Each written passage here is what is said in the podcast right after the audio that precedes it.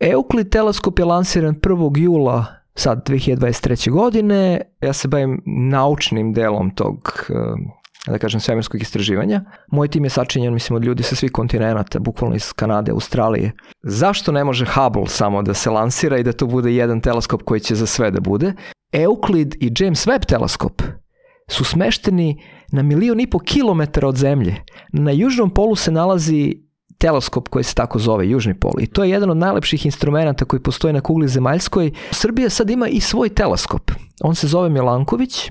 Mi sa Zemlje ne možemo da detektujemo baš sve i svemir. Sat vremena posmatranja košta negde rede veličine 100.000 dolara. Recimo ogledalo za, za James Webb teleskop napravljeno od pozlaćenog berilijuma i koštalo je negde oko milijardu dolara. Teleskop James Webb je na kraju zavisio od dva čoveka koje nisu omiljena među nama naučnicima, to su Elon Musk i Donald Trump. Dosta astronoma koji su radili nauku, ima moji kolege koji su prešli iz akademije da rade za Maska. Razvoj svemirske tehnologije je fenomenalna stvar za celu civilizaciju. Još podcast 1. Pozdrav svima, dobrodošli u još podcast 1, moje ime je Ivan Ćosić. Na početku želim da se zahvalim što ste ovde, ostavite nam neki share, like, subscribe, preporučite nas prijateljima, zapratite nas na društvenim mrežama, možete nas podržite, Patreon, Paypal ili opet na YouTube-u Join Dugme. Hvala takođe našim sponsorima, Beans Coffee uz koji razgovaram sa svojim gostima. Ako vam treba espresso u zrnu, eh, uz Beans možete pretplatom na mesečnom nivou da dobijete redovno kafu na svoju kuću kućnu adresu koju onda možete spremati sebi svojim gostima. Naš drugi sponsor je Scandinavian Design Center. Ako opremate svoju kancelariju, pogledajte njihovu ponudu, imaju neke sjajne stvari, a ove stolice u kojima sedimo su nam oni poslali. Naš treći sponsor je Grooming Masters, oni su se pobrinuli za to da sijam u svakoj epizodi poslali su mi neke sjajne, sjajnu opremu za brijanje u kojoj, u kojoj uživam. Uh, ukoliko vam je potreban poklon za negu brade, za negu kose, uh, pogledajte njihovu ponudu na njihovom sajtu. Uh, takođe, ukoliko prilikom kupovine ukucate kod JPJ15, dobit ćete popust od 15% na vašu kupovinu. Moj gost u ovoj epizodi je uh, verovali ne, moj drugi iz, iz srednje škole, Darko Donevski, ispostavilo se da je Darko Donevski, nismo se dugo, dugo videli, e, umeđu vremenu postao vrhunski svetski naučnik, doktor nauka iz oblasti astrofizike i kada je lansiran evropski teleskop Euclid, onda sam video Darkovo ime i kada sam čitao više o tome, onda sam ga pozvao da dođe, da porazgovaramo, da ispričamo samo deo tih priča i što sam više istraživao, bio sam sve više i više odušenjen svim onim što Darko radi i jedva sam čekao da snimamo ovu epizodu. Uživajte u njoj. Uh, volim da uđem kao ono što smo imali temu malo pre, ali obično počinjem sa šta ima novo lepo. Novo lepo je da, ha evo, lično, radimo istraživanja sa velikim svemirskim teleskopom i otkrili smo uh, ugljenik u nekim galaksijama, što znači organski compound, organski, ovaj, organsku materiju i to je lepo, a lepo i vreme.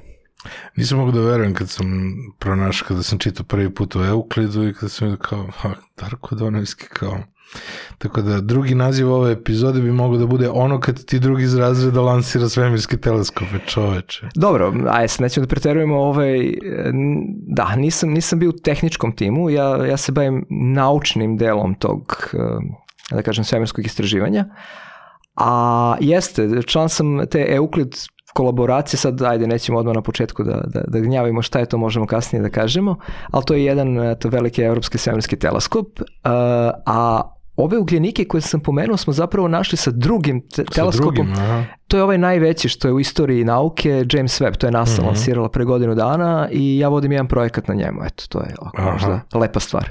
A čekaj, se Hubble još uvek koristi? Hubble se još uvek koristi, živ je zdrav, 33 godine napunio mm -hmm. i ono, šljakaće i, ja mislim, narednih 8 godina bi trebalo, to je plan. A Hubble, James Webb, Euclid, uh, to su oni, ok, Euclid je došao do nas verovatno i zbog tebe više. Ove, koliko ukupno tih ima svemirskih kao? Hm? Je li to nešto konačno to je, ili ih ima baš puno? Pa ima ih dosta, ja sad ne znam tačan broj, pravo ti uh mhm. -huh. kažem, ali ovaj, um, ima bar 20 za koje ja znam, uh, koji su onako da kažem funkcionalni, jel? Um, e sad, ajde možemo da kažemo gledalcima, kad, kad se već načeo odmah Pa ovaj, tu načeo sam odmah, ali možemo... Da. A, Ovo je kao teaser, znaš, Aha. kao gledat ćete.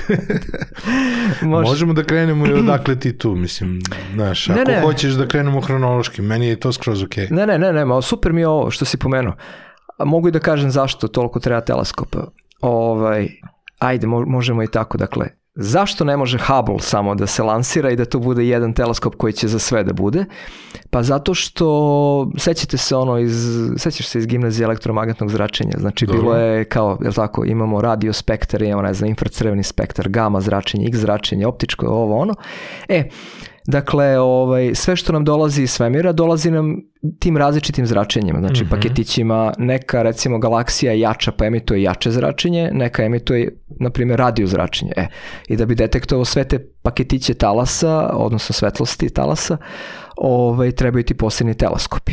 Mhm. Tako da Hubble recimo je teleskop za optičko zračenje, a ovaj James Webb teleskop je teleskop za infracrveno zračenje, imamo teleskope za X zrake, za gamma zrake i tako dalje.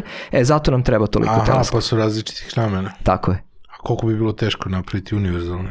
E, ja mislim da je praktično neizvodljivo, zato Aha. što, e, na- evo, recimo ovaj konkretno James Webb, To što ne znam kako mi je došlo to pitanje. E, ne, ali super je pitanje. Super je pitanje i nisi zapravo pokušali su neki naučnici da naprave univerzalni teleskop, da ga projektuju, ali ovaj, onda se odustalo od fizičke gradnje zato što se ispostavilo da, je, da bi to bilo kao ono, znaš, u narodnoj pesmi, ono, građenje skadra na bojeni. Aha, aha. Ovaj, e, zašto, zašto bi bilo to tako komplikovano i, i, i preskupo? Pa zbog toga što, na primjer, evo, ako hoćeš da detektuješ termalnom kamerom termalno zračenje u svemiru, Dobro. ta kamera mora da bude izuzetno u hladnom okruženju, da ne bi imala šum, znači mora da bude na temperaturi koja je svemir, što znači jako hladno. Mhm.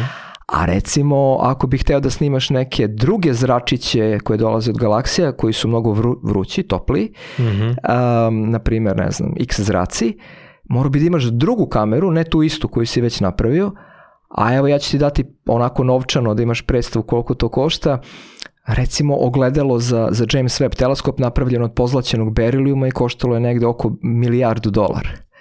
Tako da, e, eto, znači to je otprilike razlog zašto nemamo samo jedan super teleskop. Aha. Kako neko iz vršca, ajde sad malo idemo, s- gde priča počinje? A nama su se putevi razišli otprilike na, na maturi, ovaj, i tu ima velika, velika razlika, ovaj, mislim da kada, kada ljudi iz malih sredina odu tako Novi Sad, Beograd i ostalo, ovaj, još manje se, se sreću i viđaju. Jest. Pa mi smo ona generacija koja je bukvalno krenula na fakultet eh, kada smo nekako morali da budemo i naučno aktivni, socijalno, društveno aktivni, tako da smo i ti i ja, kao što znaš, ta neka 99. na 2000 tu gde smo učestvovali u raznim nekim društvenim akcijama i eh, ono što mojim studentima danas zvuči neverovatno kad im kažem da naše generacije mi nismo imali pravo da tek tako se spakujemo, da odemo negde vani, jer nismo imali uopšte mogućnost da nas neko pusti bez vize, jel tako? I ovaj, moj put je bio e, da sam ja e, od početka znao da želim da se bavim astrofizikom, znači nečim što je vezano za svemirsku tehnologiju. Međutim, onda kada sam upisio fakultet, e, toga nije bilo u Srbiji. Ovaj, bilo je u Beogradu, situacija u Beogradu, kao što se sećaš, je bila prilično kritična pre petoktobarskih promena, nije, Mm. dosta profesora nije bilo na fakultetu.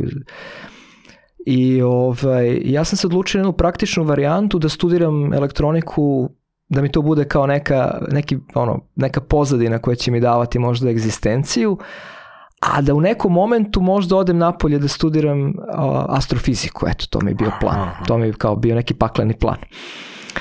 I onda se desilo, kada sam došao treće godine o elektrotehnike, da a, se otvorilo departman na PMF-u a, u Novom Sadu iz astronomije i fizike. I meni je to bilo kao wow. I onda sam ja pitao, pa jel možete mi priznate neke ispite da, da, da ne moram sada duplo da položim, ne znam, elektromagnetizam i tako i kao super može. I tu stvarno su bili super profesori, dali su mi taj neki moment ovaj, da ja ne moram sad nešto previše da, da trpim zbog toga. I završio sam to e, i onda znaš kako to ide. Kada završiš takvu specijalističku jednu naučnu disciplinu, prosto to nije neka praktična nauka da možemo sad da je radimo. Dakle, prosto moraš da definišeš da li želiš da se baviš e, naukom ili ne. Mm. I onda se ja odlučio nakon nekoliko godina, proveo sam par godina u Srbiji ovde i bio sam načisto da želim da nastavim sa naukom i dobio sam stipendiju u univerzitetu u Leidenu u Holandiji. Otišao sam tamo. E, i tamo sam prvi put video ono, uh, kada govorimo o našem obrazovanju i kada, kada mm. svi kažemo, uh, to je ono što su meni profesori govorili, kao samo završi fakultet, kao i, imaš svu moguću potporu, sve, sve smo te naučili, uh, sve je sjajno na našim univerzitetima.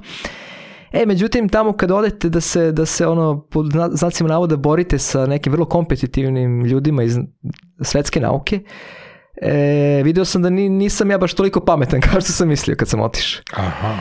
Odnosno, a, trebalo je da prođem neke kurseve koje nisam ni, na, ni sanjao da, da bi trebalo da, da ih pohađam. To su bili neki vrlo praktični, specializovani kursevi koji ti daju jako dobru praktičnu potreb, potporu za bavljenje naukom, na primer project management, mm -hmm. time management, kako se pišu grant proposali, kako se piše o, naučni rad, primjena nauke edukacije, imali smo taj predmet, naučna komunikacija i, i tako dalje. Ja nikad nisam ni čuo pre toga za naučnu komunikaciju, recimo. Hmm. E, i onda kada sam sve to ovaj, video, onda sam shvatio onako da treba puno ulagati ovaj, u sebe, još više. Ne samo ono u rešavanje programskih kodova, pisanje programskih mm. kodova i tako dalje, nego baš u taj neki segment e, e komunikacijsko-edukacijski. I eto, posle Lajdena otišao sam u Marse i tamo sam završio doktorat. Radio sam doktorat na tada najvećem evropskom svemirskom teleskopu koji se zove Herschel. Mm -hmm. On je još uvek u svemiru živ zdrav. E, ugašen je sad, ali eto, orbitira ovaj, na nekih milion kilometara od zemlje. I nakon, tu, tu sam se bavio jednim pionirskim istraživanjem koje možemo da pomenemo kasnije ovaj, o tome kako možemo da detektujemo čestice silikate ugljenike tu nekom mm. dalekom svemiru, što možda je zanimljivo gledalcima zbog možda potencijalno života, ali tako, van zemlje. I da, i nakon toga karijera naučnika kreće onako kao, kao futbaler. Znači, Aha. potpišete ugovor na dve godine za jedan tim, to je za mene bio Toulouse, pa onda um, Trst, pa hmm. univerzitet u Torontu.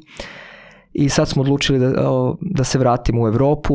Uh, dobio sam jedan veliki grant i vodim projekat između uh, Trsta i Varšave. Eto, to mi je putovanje. A kako funkcioniše taj deo sa grantovima? Recimo, baš sam pričao o tome sa ovaj, E, sa jednom našom naučnicom koja radi na Mayo klinici i koja mi je baš pričala o grantovima i svemu tome.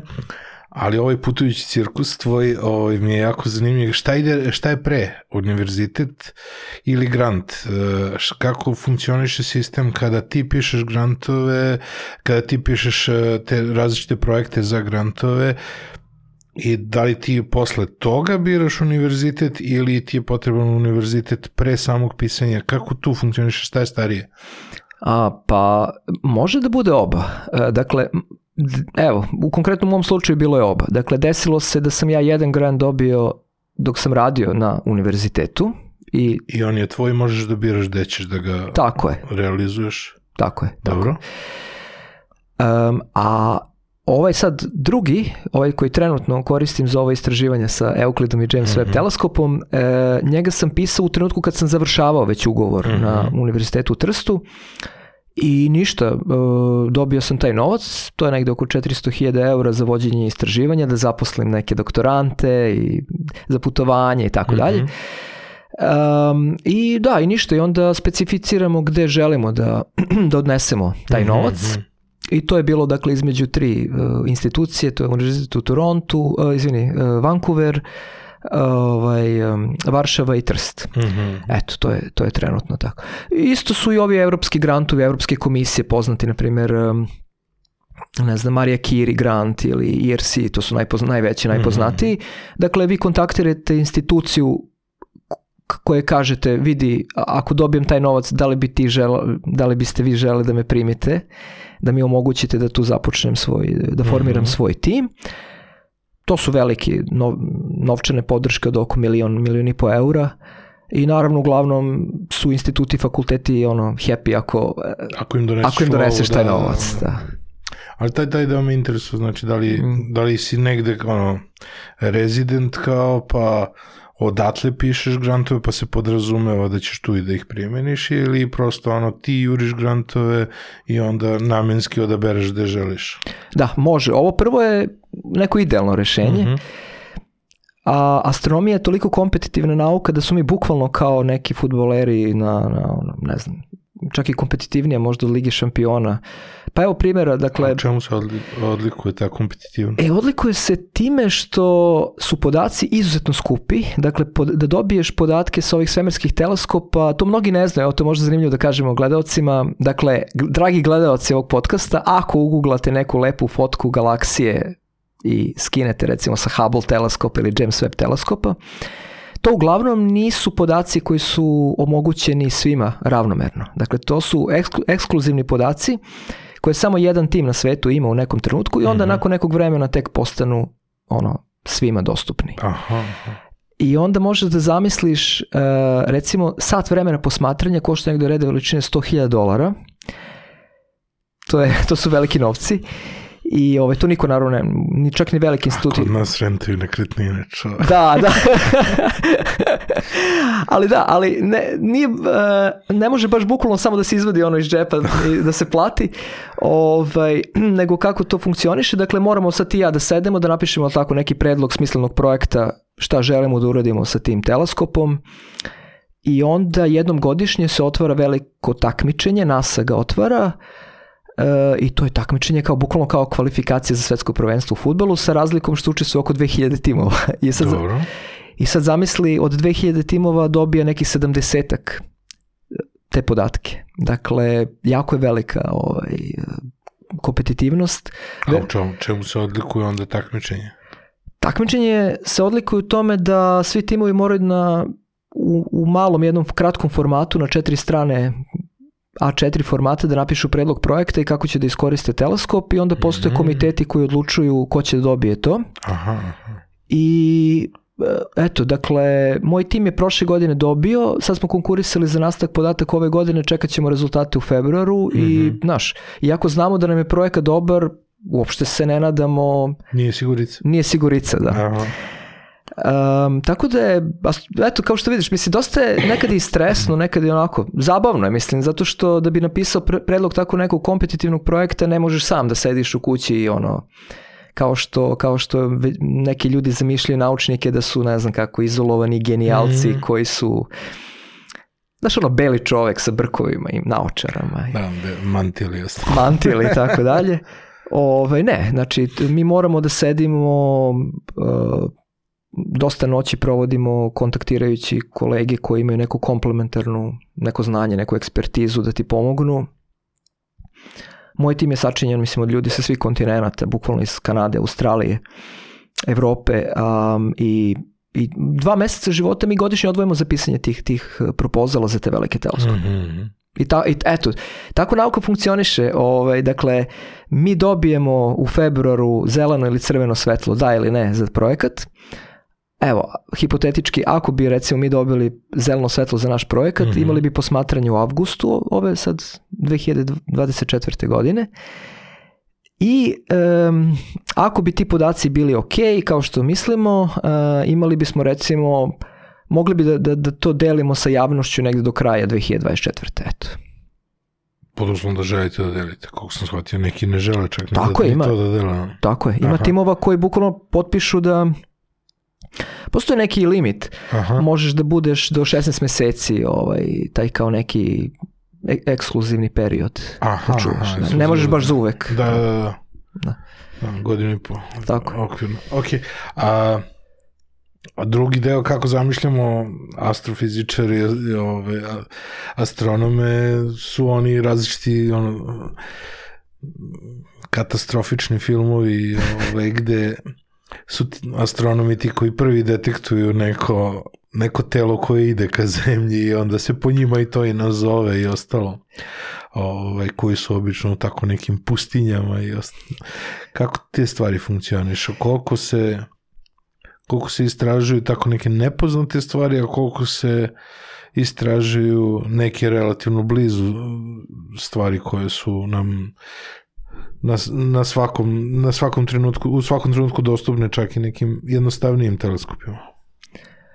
E, da, recimo, e, ovo što si pomenuo pustinje je fenomenalno, odnosno jedna sjajna uvertira iz jednog prostog razloga zato što uh, najveći zemaljski teleskopi se upravo nalaze u pustim predelima. Mm -hmm. Dakle, ne nalaze se u gradovima, u Beogradu, Nišu, ne znam, Njujorku i tako, nego se nalaze u pustim ovaj predelima zemlje zato što je potrebno izolovati jel tako uh, uređaj da bude što manje ove interferencije sa mobilnih telefona, da bude što manje šuma, da bude tamno nebo. Mm -hmm. Tako da se najveći zemaljski teleskopi nalaze recimo na Havajima, u Čileu, gore na u Andima, u australijskoj pustinji i tako dalje.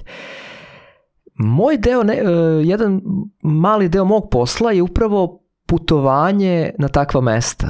Mm. Uh, I ja bih lagao kad bih rekao da zahvaljujući tome što se bavim ovim čim se bavim, to mi omogućilo e, putovanja neka mesta da verovatno nikad ne bih imao uslove da, da odem na ta mesta. A tako da namenski pišeš projekte da bi malo i putovao kao gde nisam bio. Pa da, ovaj, ako može naravno. Ne, ne, e, ovaj, ali recimo Čile je neko e, mesto gde, gde nalazi se taj najveći radioteleskop na zemlji i on se zove Alma. To, to je u Atakami. U Atakami to, evo, za sve koji se možda interesuju ovako, koje, koga zanima astronomija, kako izgleda to, to je jedan veliki sistem od 60 ogromnih radioantena od mm -hmm. po 15 metara, dakle, jedan impozantan ovaj, tehnički sistem.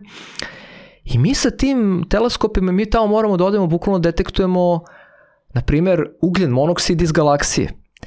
To u prevodu znači da mi sa tim da, sa tom skalamerijom mm možemo da detektujemo recimo jedan spektar kao što ti imaš iz, ne znam, kad bi snimio auspuh, ovaj, gas auspuh automobila. Mm -hmm.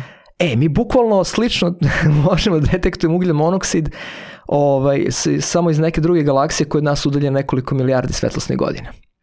To sad zvuči ovako kao naučna fantastika, ali eto, tehničke mogućnosti su toliko napredovale da mi fizički možemo da odemo tamo u Atakamu, ako mm -hmm. napišemo projekat, snimimo, na primjer, eto, intenzitet zračenja ugljen monoksida, ne iz u Beogradu ili za auspuha automobila, nego iz neke galaksije. A ovo što si pomenuo da su astronomi prvi koji alarmiraju o, kad, se de, kad, kad ima neko, neko nebesko telo koje ovaj, je potencijalno opasno, postoji, uh, postoji jedan sistem, um, to, to se zovu uh, low earth uh, asteroids, to su -hmm. ovi kao asteroidi koji su kao najbliži, najbliži ovaj, zemlji. I e, NASA i ESA, Evropska svemirska agencija, su napravili jedan zajednički model da kao prate te asteroide upravo da bi skrenuli pažnju ukoliko se desi da neki prođe blizu zemlje mm. i tako. Sad, to, ne znam sad koliko će taj projekat zaživeti, ali ideja se rodila i re, re, relativno ide se u nekom smeru da se nešto konkretno uradi po tom pitanju. Koja su neka naj, najluđa mesta gde si bio pored uh, u Čilu i uh, gde još treba da odeš? Um, pa ne znam, meni je bilo najsimpatičnije u Indiji. E, Aha. Zato što u Indiji ovaj, e, to je možda isto zabavno. Ja sam tad bukvalno krenuo prvu nedelju na, na studije u Leiden u Ho Holandiji i nisam još našao ni, ni, ni stan bio. Sećam mm -hmm. se da sam tražio stan. To je veliki univerzitetski grad i ne možeš da nađeš stan tek tako. Znači, bukvalno je ono ogromna, ogrom, ogromne navala. Kao Beograd. Kao Beograd, da. ovaj, I e, te prve nedelje direktor instituta me zove i kaže, vidi, ima tu jedno mesto, ovaj, treba da ide da se posmatra teleskopima u Indiji, pa ako si zainteresovan možemo da ti organizujemo za vizu i to. Pa rekao, ajde, ovaj, ajde, šta, šta ja znam, rekao, bio sam ono naivan, je, mlad naivan. Ja sam otišao u Indiju E, to je grad koji zove Pune, to je jedan od naj, među najvećim gradovima u Indiji. Tu nekih 50 km od tog grada postoji jedan veliki sistem radioteleskopa koji se zove GM, a MRT, što je skraćenica za Giant Ma- Matter Wave Radio Telescope. Mhm. I um, ono što oni meni nisu rekli tada kada, kada sam išao tamo je da je to zapravo bila džungla koju su oni ono pregradili i da tu bukvalno nekih stotinjak metara od teleskopa vrebaju vrlo opasne divlje životinje, tipa hijene, leopard i tako dalje. Dobro. I kada smo mi sleteli tamo, naravno, to je izolovan jedan sistem gde postoji ozbiljna vojska koja vas čuva, ali ja i dalje nisam bio svestan da ja, ono, ako hodam noću, da tu ima neka opasnost da neka životinja preskoči taj neki zaštitni zid i da... I ovaj, desilo se da jednu noć, e, pošto mi noću, kad imamo ta posmatranja, to noću radimo, i sećam se u dva ujutru mi dolazi vojnik sa punom onom ratnom opremom i kaže, izvinite, ja moram, ovaj, bit ću tu sa vama, ja ću vas otpratiti do vaše ovaj, sobe. Pa rekao šta je bilo, šta je u pitanju, kaže pa imamo leopard i pokazuje mi ovako na termalnoj kameri ovaj, leoparda. Ali hoću da ti kažem koliko su oni relaksirani po tom pitanju, oni su mrtvi ladni, meni samo na hotelsku sobu sutradan zalepili jednu malu, jedan papirić. To sam i uslikao da sačuvam za uspomenu. Pisalo je Eto, kao da znate, ima tu nekih životinja okolo, pa se pazite, kao od hijena, leoparda i tako. To, to, to mi je bio jedan kulturni šok tad, eh, kad sam otišao u Indiju, to je, ovaj, kako da ti kažem, nekako fokusiraš se na istraživanja, Mhm. ali onda vidiš zapravo te privlači sve ostalo. Od ono, koloričnosti gradova, ljudi, slušaš te priče, ovaj, pa te, sve ti životinje. E, tako da, ta putovanja zapravo su mi nekako odredila i taj drugi aspekt e, da malo piskaram, pišem neke eseje o tim putovanjima ovde, baš za časopis Elementi na srpskom. E, ovo što si rekao, dakle kad odeš na tako jednu, jedno udaljeno mesto, prosto je šteta da se samo fokusiraš na, na, na nauku. A koliko ti pomaže u nauci? U nauci pomaže puno, jer U mnogim drugim poslovima je potrebno da kada a, ubaciš u sebe gomilu informacija, gomilu podataka, potrebno je da ostaviš mozgu neko vreme da to podsvesno isprocesuira da bi došao do novih ideja i zato me interesuje koliko ti pomaže u nauci. Jeste, to je lepo, ovaj, si lepo rekao, to je e, jedna vrsta resetovanja e, neke kom, konfuznosti misli koje Znaš, mi smo pritisnuti, do, pa re, ovo, sve što smo naveli, dakle, projektno finansiranje, takmičenje za teleskopska vremena, onda dodaš tu još mentorisanje doktoranata i tako dalje. Znači, ima jako puno obaveza. I, I da, i kada odemo na tako izolovana mesta, meni, meni je mozak kao da me neko revitalizovao, znaš, kao, kao da, si, da si stavio ono, moj mozak u neku Na magičnu punjač. kašu na punjač, vratio, stavio u na, ponovo nazad i ja funkcionišem kao sat, da. Mm. Te dve nedelje sam samo za to, dakle, osluškujem ptice, prirodu, ljude ako ima nekih priča i ono, full fokus na nauku. U nekom podcastu sam slušao ili nekom tvom gostovanju da si hteo da ideš i na južni pol, a da nije bilo mogućnosti kao da ti nisu dali papire. Da, nije to ništa protiv uh, Srba, odmah da kažem, dakle nije nikakvo ovaj nikakvo nacionalno a, da, da, da nas neko degradira u nekom e, momentu, nego na južnom polu se nalazi teleskop koji se tako zove, južni pol. I to je Mhm. jedan od najlepših instrumenta koji postoji na kugli zemaljskoj, jer je to uh, uređaj koji konstantno monitoriše svemir sa tačke sa južnog pola, dakle on Mhm. snima bukvalno celo nebo. Mhm. I on snima to čime se ja bavim, dakle to termalno zračenje svemira, infracrveno, odnosno zračenje tih čestica ugljenika, prašine u galaksijama.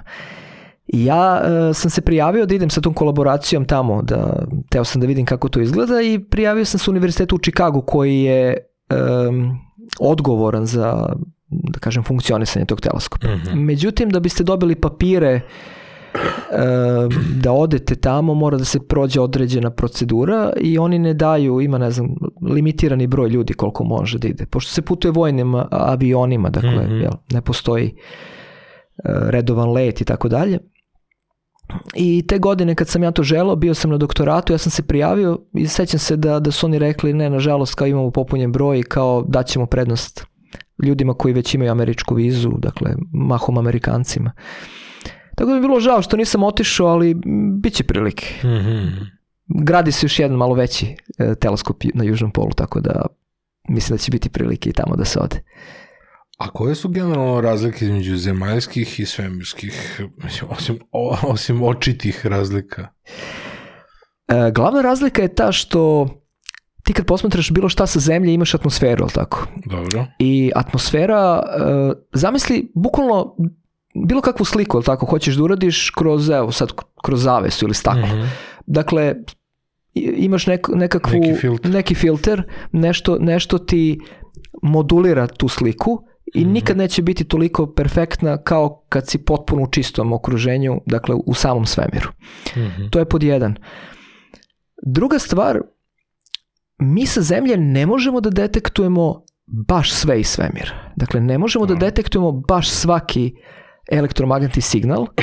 Na primjer, e, ozon upija određeni deo velikog broja zračenja koje dolazi iz svemira, ali tako, tako Mhm. Spašava nas od, da ne znam, ne izgorimo na suncu ili nešto drugo.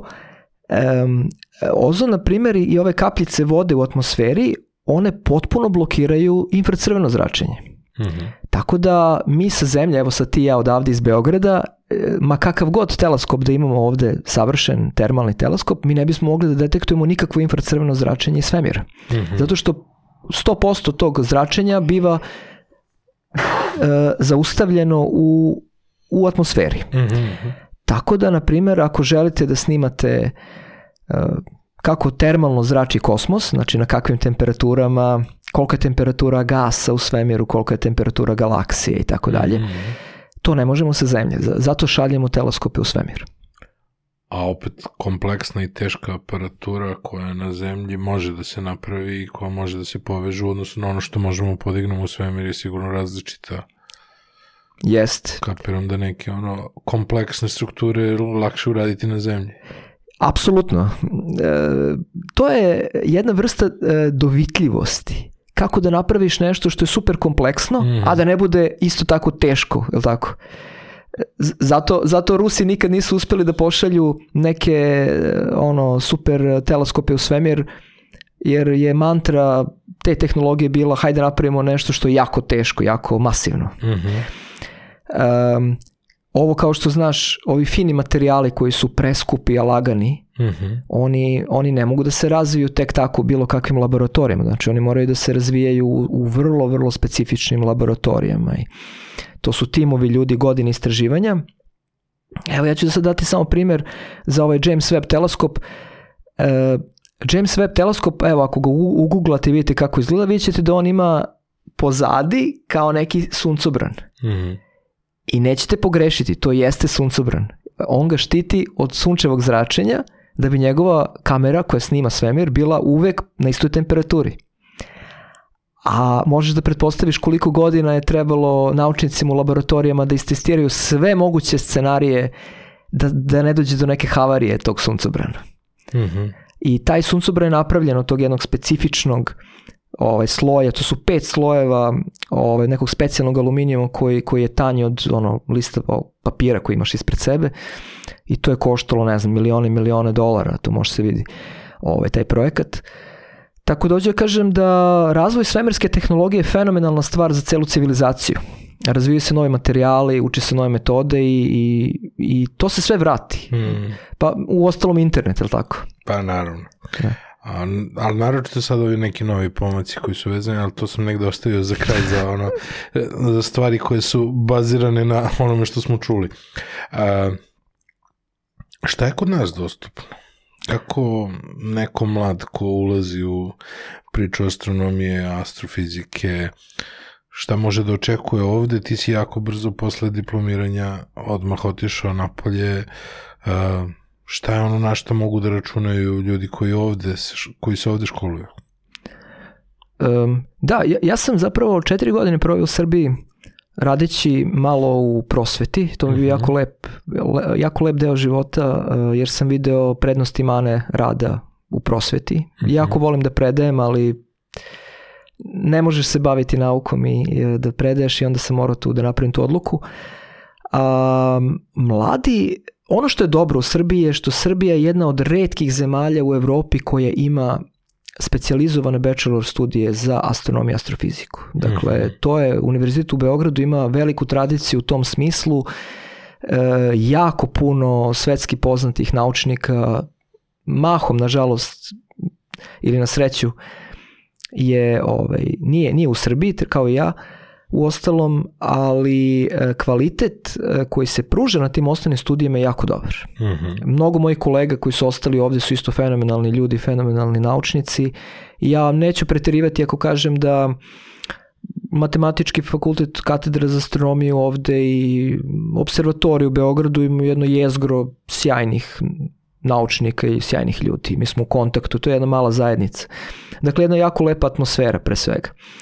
Druga stvar koja je dobra za Srbiju je to što Srbija sad ima i svoj teleskop. On se zove Milanković, Mhm. E, nalazi se na planini Vidojevica i to je jedan jako lep dobar instrument. Čak i za europske okvire znači možete da odete tamo da ga vidite, evo to je preporuka e, i gledaocima ako vole neki izlet u prirodu, da odu do planine Vidojevica, ima put. U kom je to kraju? To je dole kod, dakle, od Niša ima jedno 150 km recimo. Mhm. Tako, to je, on je, to je pravljeno um, za, zašto je tamo teleskop stacioniran? Zato što u to vreme kada se gledalo gde, će, gde, gde bi on mogao da bude lociran, gledala se mapa tamnog neba Srbije Mhm. i onda ne znam ko je radio taj monitoring uh, da se našlo da je recimo Vidojevica jedna od brda, jedna od, mislim planina Mhm. gde ima gde je najbolji taj seeing što mi zovemo, dakle da je jako tamno nebo. Znači Mhm. kad opališ snimak vidiš ono oštru sliku galaksije. I e, novac je dobijen kroz evropski projekat i mislim da su Austrijanci uradili optiku, Mhm. tako da nema nikakve ono što kaže, nema laži, nema prevare. Ove, jako je kvalitetan, kvalitetan uređaj i da, i sad generacija mladih astronoma u Srbiji rade na njemu. To, to recimo moja generacija nije nije imala taj ovaj Mhm. tu mogućnost. A ono kao otvoren je za javnost ili u kom, u kom smislu si rekao kao ko hoće da poseti? Mislim da oni organizuju uh, redovne, redovne ture za edukaci, Mhm. edukacijske svrhe. Dakle, ako neko iz škola, škola hoće da ode tamo, mislim da, sad ovako pričam na pamet, ali znam da su imali taj projekat, um, da recimo možete da dovedete učenike i studente da jedan dan, maltene dan otvorenih vrata, dakle da vidite Mhm. kako to izgleda, kako to funkcioniše. Ali je lepo, lepa priča. A koliko ta mapa tamnog neba i ovo što ta priča sa Atakamom i imam još nekih par ove tema, a, koliko je važno ta ispupčenost zemlje na ekvatoru u smislu nekako blizine svemira, koliko je to uopšte važno? O, I koliko je ta, ta distorzija uopšte zemlje kao zemlje, kao planete? Uh, misliš koliko važna utiče? komponenta, da. Mm, Malo, ali e, lokacija teleskopa na zemlji e, na neki način te ograničava koji deo svemira, koji deo nebeske sfere jel, možda Mhm. posmatraš. Naravno, sa juga zemlje lakše posmatraš južnu nebesku sferu, sa severa planete, severnu i tako dalje. E, Ne, ne to, dakle, lokacije na zemlji se uglavnom biraju po kvalitetu noćnog neba. Dakle, Aha. da si izolovan, da je suvo, da nema kapljice vode, uh, to je, Aha. to je, to je recimo, za radio signal, znaš, voda, ako, um, pa evo, primer, možda, Možda bukvalno, prelomi zrak. da, bukvalno, najjednostavnija. da, da, da, da, dakle, ovaj, naše frekvencije sa kojima hvatamo signale iz svemira su bukvalno se preklapaju sa frekvencijama na kojima rade mobilni telefoni. Mhm. I zato mi kad odemo, na primjer, u Čile, u Atakamu, da posmatramo radioteleskopima, mi ne možemo da s jedne strane posmatramo galaksije, s drugom da kuckamo poruke i tako dalje. Mhm, mhm. To, je, to se zove radio quiet zone. Um, I tako isto uh, ovaj, je u Australiji. A sad ima ovaj jedan zanimljiv projekat, uh, to je najveći, najveći projekat koji se trenutno ovaj, odvija na planeti Zemlji. E, gradi se 30 radio, radio antena u Južnoj Africi, 30 u Australiji, u australijskoj pustinji i onda će te dve, ta dva sistema teleskopa da se spoje kao da se umreže da rade kao jedan. Znači, bit će kao jedan veliki kako bi rekao, jedan veliki uređaj koji će imati, zamisli, prečnik onoliko koliko je udaljenost između Južne Afrike i Australije. To je sjajno. Eto, to je. Ma svašta se dešava, jako lepo, jako lepa priča. Ovaj, mislim, i sa ovako sa socijalno-društvenog aspekta. U Južnoj Africi, recimo, ideju za taj projekat je dao lično Nelson Mandela, 90. godina. To je možda Prelepo. isto zanimljivo, eto da kažemo. Prelepo. Zašto sam te pitao za, za, za taj pojas? Zato što znam da i Dubai jako mnogo investira i Dubai bukvalno planira u nekoj budućnosti da bude ono svemirski lift. Mm. Ovaj, znam koliko je masku iz, iz nekih intervjua sa njim koje sam slušao bilo teško da pronađe mesto odakle bi mogao da lansira sve njegove projekte. Koliko je taj neki uh, ta neka tačka važna za, za lansiranje uopšte posmatranje. Znam da tu recimo najbliži, kad bi se gledalo kao gde je najbliži mesec, najbliži je upravo tim nekim tačkama ovaj, u, Juž, u Južnoj Americi. Uh, Ok, da, sa te strane zaista treba strategijski gledati mm -hmm. gde. E, pa to što si pomenuo, dakle, u, upravo zbog toga se u francuskoj Gvajani u Južnoj Americi nalazi ovaj raketodrom aha, sa koje lansiramo ove Arianu, ovu raketu što nosi teleskope. Aha, aha. Dakle, nije u, ne znam, Japanu, šta ja znam. Um, ili u ovaj Cape Canaveral u, na Floridi gde mm. NASA ima svoj centar. A kad si pomenuo o Ilona Maska, um, njegova raketa je upravo tako je ponela, raketa njegove agencije upravo tako je ponela teleskop Euclid u svemir. Aha, su Falcon? Falcon 9, Falcon 9.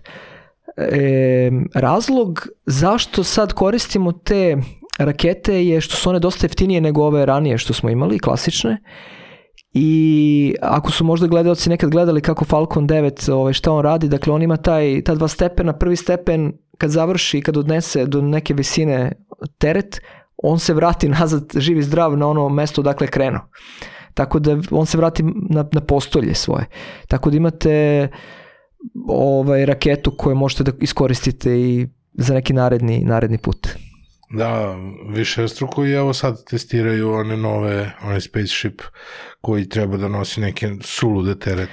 Jeste. Tu sad ima problema sa tim, bilo je par neuspelih uh, ovaj, testiranja, ali ok, ajde, ja se nadam, ja sam optimista da će to biti dobro. Svi kažu neuspeli, kao on je u fazonu kao, mm, ovo je uspešno, kao svaki ono, svaki sekund koji provede ta raketa u letu je njima ogromna količina podataka koju mogu da koriste za sledeće, za sledeće testiranje. A jeste, dobro, to je malo marketing, ali aj ja sad ovako budem iskren, Um, ovo drugo je bilo neuspeh zato što znam, mislim, dosta astronoma koji su radili nauku, ima moji kolege koji su prešli iz akademije da rade mm -hmm. za maska. Uh, tako da, znam, mislim, bio je neuspeh, ovaj, ali, ali ja sam od onih ljudi, kako da kažem, nemamo vremena da gledamo sad uh, unazad. Mm -hmm. Previše nam je mala vremenska skala čovečanstva da bismo nešto tugovali, adikovali, kritikovali na neosnovani način. Mislim da će cela naučna zajednica imati koristi jednom kad ta raketa proradi. On je skroz u fazonu, pičemo glavom kroz zid, pa koliko god puta treba, nije problem. Da, da. Sad, mi sa Maskom imamo onako malo specifičan odnos kao astronomska zajednica, zato što je on ove, ovaj, lansirao ove Starlink satelite bez da je obavestio međunarodnu astronomsku zajednicu. E, ne znam da li to znaš, ovaj, pa se desilo pre tri godine. Da, da, ovaj, to je baš ispo skandal, um, jer Amerika ima jedan veliki projekat mapiranja ovaj, ne, severnog neba teleskopima Dobro. i ti podaci su, kao što sam ti rekao malo pre, oko 100.000 dolara red veličine sat vremena posmatranja. Mm. I oni su krenuli da posmatraju i Musk je bez da je obavestio da će da lansira satelite, on je lansirao satelite, oni su presek, presecali uh, polje snimanja i to je napravilo one artefakte užasne, da, da su, bukvalno smo bacili te podatke. E, Imate i to na, na Google, možete da skinete da vidite kako to izgleda. Pri, mislim, baš onako bi- bilo bez veze. Um, I onda je, uh, da, Ujedinjene nacije su mo, uh, posredovale. Mhm. Tako da trenutno ide taj pravni spor između ovaj, Starlink i Međunarodne astronomske unije. Pokuša se napravi neki zajednički jezik kako da se ti uh, sateliti, kako da oni budu u orbiti, a da na neki način ne, ne smetaju oštrini posmatranja ovaj, I sad je on dao neki predlog da oni budu svi ofarbani u neku specijalnu crnu boju. Vidjet će, mislim, u toku su pregovori. Da. Nije jednostavno. Da. Da. Da dospijem kafu. Koliko je to što on radi, on većinu tih nekih poslova, koliko sam shvatio, radi praktično sa nekim ugovorima sa NASA-om. Koliko je to posle dostupno naučnoj zajednici, kako ti neki, te neke linije saradnje funkcionišu? Da, on je dobio a, dva projekta sa, on bukvalno obslužuje nasu sad kao neka vrsta Podizvođač. off-sourcing, da. A, Mask na mešalici. I onako su rekli da iz Republike Srpske. a, okej.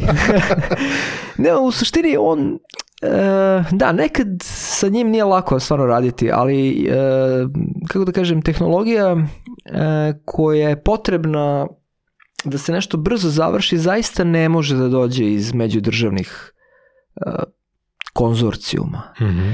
to je pre, mislim možda zamisliš pre svega zbog birokratije, da, znači kad imaš neki konzorcijum od 20 zemalja, dok se ti dogovoriš, ne znam kakav ovaj materijal ćeš da koristiš za, za teleskop, to prođu godine nekad, bukvalno. Ja sam mislio da astronomima bar vreme nije problem. Čuj, vre, vremena nije problem nekim ljudskim, ovaj, jel tako, razmerama, ali da, ali zbog efikasnosti zaista nekad moramo da, da zavisimo od ljudi kao što Elon Musk. E, nije transparentnost njemu baš jača strana, aj tako da budem iskren, Mhm. ali nije ni, nije ni apsolutni diktator u tom smislu. Dakle, neki kompjuterski kodovi koji oni koriste za tu tehnologiju konkretno sad što rade, dostupni su. Mhm. Naravno, neki nacrti, materijali koji razvijaju nisu dostupni i tako, mislim, sve to u kruga. Ali po meni dobro je da postoji neki upliv um, privatnog sektora u ovo visoko tehno, tehnološki razvoj, zato što prosto je nemoguće, evo možda zamisliš šta ja sam pomenuo ovde par nekih brojki, ovaj. dakle, teleskop James Webb je na kraju zavisio od dva čoveka koje nisu omiljena među nama naučnicima, to su Elon Musk i Donald Trump. Au. Donald Trump, njegova administracija je morala da potpiše onaj dokument da smo mi tražili da se odobri dodatnih mil- milijardu i po dolara da se završi James Webb projekat, da bi on mogao da bude lansiran. Bilo, bukvalno bilo kritično da li će on uopšte poleteti u svemir. I sad kako to izgledalo u praksi? Pa izgledalo je tako što se na hiljade mojih kolega po SAD-u rastrčalo na svim mogućim medijima, Mhm. kampanja u senatu, da se pritisne, uglavnom preko demokrata je to išlo da se ovaj pritisne senat da se izglasa taj dodatni budžet i Donald Trump je potpisao, iako znaš i sam da su njegova naučna stanovišta vrlo ovako, u najmanju ruku dis, diskutabilna, ali hoću da kažem da nema tu ničega ličnog, dakle i on je video jednu, jednu širu sliku i tako da je taj projekat zahvaljujući njemu, a iz druge strane Ilonu Masku koji je dao dobar deo svojih resursa iz privatnih firmi Mhm. ovaj, je realizovan. A šta su sada Origin, eh, kako se zove ovaj Blue, kako, Amazonov, tako nešto, ovaj, Ariana, ka, koje, eh, koje, šta je tu još u tom ekosistemu? Mhm, e, To su rakete. Rakete koje, um, koje, koje imaju mogućnost da nose neki teret u svemir. Mhm. Da. I sad različite firme to nude i pored maska.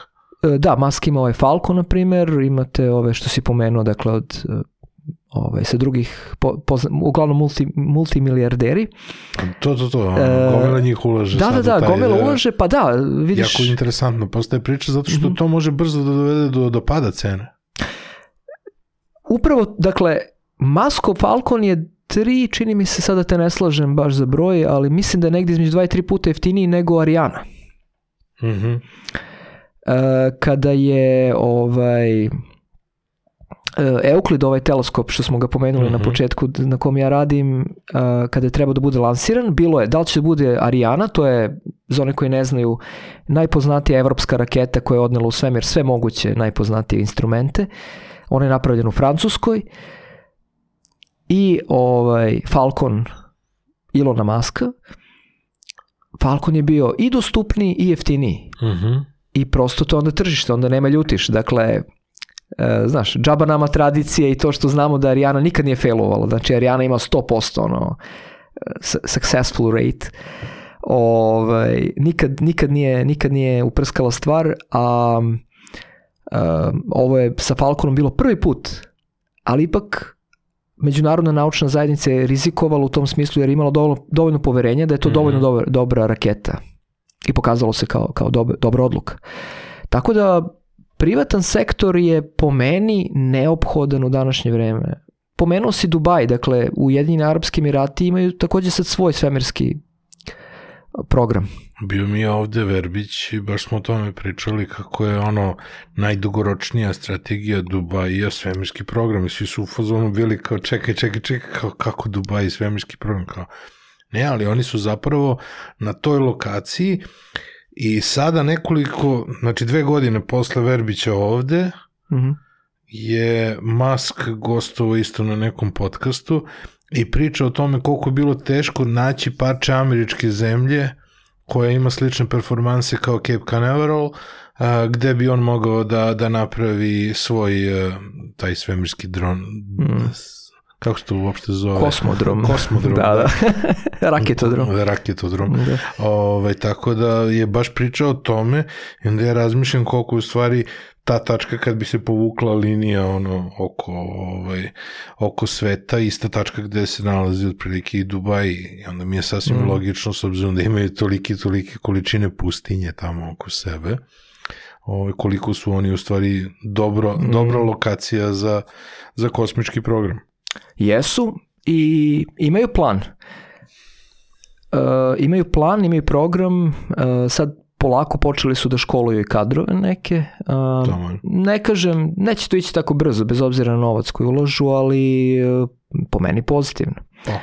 Indija, evo, e, sad dok ti ja pričamo ovaj, e, na, na tamnoj strani, dark side of the moon, Mhm. Um, Indija je dakle prva država koja je samostalno spustila rover na tamnu stranu meseca. Sad zamisli koji je to uspeh.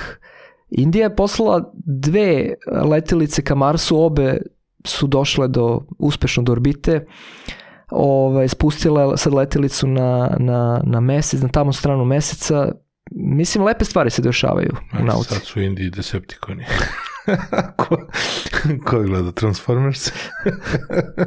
Ja mislim da smo, pre, previše smo matori ti ja. Pa mislim da je skoro relativno. Ima sad i nova, nova, ova, ova, nova filmska franšiza da je Hasbro pustio i da je jedan od tih Aha. epizoda kako ono Transformersi na, odnosno Decepticoni konkretno, prave bazu na tamnoj strani meseca i kako je to tajni deal sa američkom ono, ove, vladom i slično. Ajde. Da, da, jedan, Ne, nisam jedan znao. pa znam da si prezauzet, pa ti ono, spojlujem na brzaka. Hvala no. ti na spoilerima, vidiš, ovo je vrlo, vrlo korisna nova informacija. Mm, A koliko je kada se lansira tako? Ja sam od pitanja u rangu mogu se jedan otprilike. Ovaj, koliko je moguće kada se tako lansira e, teleskop, koliko je moguće otići i popraviti ga? Jel, da li on funkcioniše u rangu svemirske stanice ili je, kako se uopšte sklapaju ti neke stvari u, u svemiru i ostalo? Wow, um, e, pazite, ovo je odlično, odlično pitanje, ne samo za podcast, nego vrlo, vrlo ozbiljno pitanje i za, za naučne a, timove, jer je to jedna od glavnih stvari koje se odlučuje pre nego što će da se napravi koncept teleskopa. Da li, da li će teleskop biti u ovoj bližoj orbiti Mhm. zemlji, pa da može da se popravi, kao na primjer Hubble teleskop. Mhm. on je bliži, pa je bilo uh, 98. godine, pokvarila se kamerica, pa su poslali fizički ljude sa Međunarodne svemirske stanice da ga tamo čačnu sa šrafcigerom. Stvarno, Bukvalno su- sjajno. Ne, stvarno, znači Hubble originalnu kameru koju je poneo imala je, e, to se zove ovaj, sferna aberacija, u, mislim, stručno, ali u, bukvalno to znači da, da kad je kamera krenula da snima nešto po svemiru, slike su bile onako bluri, kao zamagljene, i onda su ovi ukapirali da su nešto zeznuli kod ovaj, optike, I onda je brže bolje NASA napravila drugu kameru koju je trebalo nekako fizički tamo odneti gore i da se montira i nakon nekoliko godina su oni dali astronautima, nakon naravno meseci treninga, kako to da se instalira. I ta kamera 98. re, re kako se kaže, reinstalirana. Reinstalirano. I evo koliko je sad tu godina, 25 godina, Pohoj, da. ona funkcioniše i dalje perfektno. Aha. A ček šta, koliko su uopšte udaljeni sve, e, ovaj, svemirska stanica i Hubble? E, to sam teo ti kažem, dakle, tu je, tu je dakle, Hubble je smešten u toj bliskoj orbiti oko Dobro. Zemlje, gde ima i drugih tih, jel, nekih, znači može da, da recimo Međunarodna svemirska stanica je smeštena isto u bliskoj orbiti oko Zemlje, zato možemo da vidimo. Mhm. A Euclid i James Webb teleskop su smešteni na milion i po kilometara od Zemlje. To Mhm. znači m, pet puta veće rastojanje nego što je Zemlja mesec. Aha, aha. To znači da imate Zemlja, mesec, pa još IHH iza je ovaj, ta takozvana Lagrangeova tačka 2 gde se nalazi uh, Euclid i James Webb. U prevodu, ako se nešto tamo pokvari, nema niko da ode da popravi. Aha, a ček, tačka 1 je ova gde se izlazi iz... Bliž, jest. Aha. E, da, sad ovo, da ti još odgovorim na ovo pitanje e, kako se on e, rasklopi. Mhm. Isto, evo, gledaoci koje možda vole da vide kako to svemirska tehnologija funkcioniše, e, James Webb je, kad je poslat, on je bio zapakovan kao u ono, pošiljka u, ne znam, Amazon u kutiji Dobro. I kad je došao u, u, određenu, u određenu tačku nakon lansiranja, on je kao origami počeo sam da se otpakiva. I sam se otpakovao, ima softver je, mislim, napis, e, ovaj, izvini, programski kod je napisan, Unzipovao se. Anzipovo se, da, da, bukvalno. Um, I on se otpakirao tako lepo, e, nakon par ovaj, minuta mu je i onaj suncobran je krenuo da mu se, da mu se Mhm. otvara i on je tako kao, kao ovaj origami, znači samo se otpakovao, složio i, i tako kako se lepo otpakovao, tako sad snima. Milion i po kilometara od zemlje. A kako se... Navjeru mi pitanja, osjećam se ono kao da sam u zabavištu. Znaš, kao došao neko da, da priča. A koliko je komplikovan onda proračun da on ostane ipak u nekoj, on ostaje u nekoj, u, u, i dalje, bez obzira što je na takvu udaljenosti, ostaje u orbiti zemlje. Um, da, opazi, on je u takozvanoj, to je sad ovako malo komplikovanije, ako bismo najprostije mogli da kažemo, on je u gravitaciono stabilnom sistemu. Dakle, imate jednu silu koja vuče na jednu stranu, druga sila koja vuče na drugu stranu, Mhm. recimo planetina. E, on je tačno između i kao kad plutate na, na, na površini vode, otprilike, tako nek, u takvom nekom položaju je i ovaj James Webb teleskop. Dakle, Mhm. on nije fiksno u jednoj tački pa da kao stoji, po znacima navoda. On malo Dobro. Oscilira, ali je uvek e, u stabilnom sistemu da kad god ga mi okrenemo odavde sa zemlje, znači mi mu pošaljemo koordinate da on kao da snimi, Mhm. e, uvek znamo da je on u, u savršeno stabilnoj poziciji, dakle da ne radi ovo. Mhm, mhm. Eto, to je. A koliko su međusobno, razumem da su na istoj udaljenosti od zemlje, ali koliko su, Mm. na koliko su udaljenosti recimo Euklid i on? E, e, oni su nekoliko desetina hiljada kilometara. Aha, aha. Ako sam dobro izračunao. Sad ovako na pamet, izvinite gledaoci ako sam pogrešio.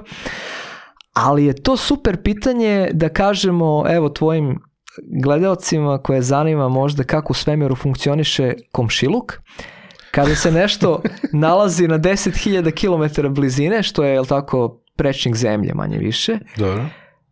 Nama je to stravično blizu, oni su ono kao ove dve vode ovdje na tvom stolu, tako blizu. Ovaj, zašto? Pa zato što uh, nama najbliža galaksija je na ono o, o, toliko ogromno rastojanje da ne bi ni mogli da ga iskažemo tek tako u kilometrima. Zato, zato imamo ove sve, o, svetlosne godine i tako Mhm. dalje. Tako da uh, Euclid i James Webb, dva najveće teleskopa koje su poslata u prethodnih godinu, godinu i po dana, su vrlo blizu, relativno rečeno. Kako bi osjećaj kada te pozovu da, kada se priključiš? Ne znam kako uopšte nastala priča oko Euklida i svega toga. Kako si postao deo tog tima? Uh, Ili je to post, prosto ono, kad si već na tvom nivou da je prosto je li stvar po defaultu ili... Nije, nije po defaultu. Um, Euclid je među uh, institucionalna, međudržavna kolaboracija. To Mhm. znači da čak i ako ste, nemam pojma, Nobelovac, uh, a da živite u nekoj zemlji koja nije članica uh, Europske svemirske agencije, na primjer, kao Mhm. što nije Srbija, um, ne biste mogli da budete član. Osim ako vas neko ne primi po specijalnoj pozivnici. Mhm. E, ja u trenutku kada, kada je Euclid kolaboracija krenula da se pravi, ja sam e, dobio tu stipendiju italijanske sve- svemirske agencije u Trstu i po, tom ne, po toj nekoj osnovi dobio sam poziv, pošto se bavim evolucijom galaksija, znači nešto kao arheologija, samo ne za ljude, nego za galaksije. ovaj, znači pokušavam da istražujem prošlost da bi rekonstruisao budućnost, odnosno da bih e, predvideo budućnost. Ovaj, oni su me pitali da li bi želeo da se pridruži, zato što je moja institucija član i tako dalje, tako dalje. Ali nije po defaultu. Mhm. Nije po defaultu. Tako da Euclid kolaboracija broji negde oko 800 naučnika iz celog sveta i oko, ja mislim, 1200 do 1300 um, ovaj, inženjera, IT-evaca, pravnika, menadžera, psihologa, ceo tim koji vodi računa o jednom velikom telu. I kakav je osjećaj? Osjećaj je e, više slojan. U Sve, početku, ove- sve ove ostale stvari su nekako neke stvari koje su, da kažemo, neka druga ekipa lansirala, postavila, napravila projekat, pa, ove, pa si ti koristio kao, kao resurs, ovdje si bio deo. Jest.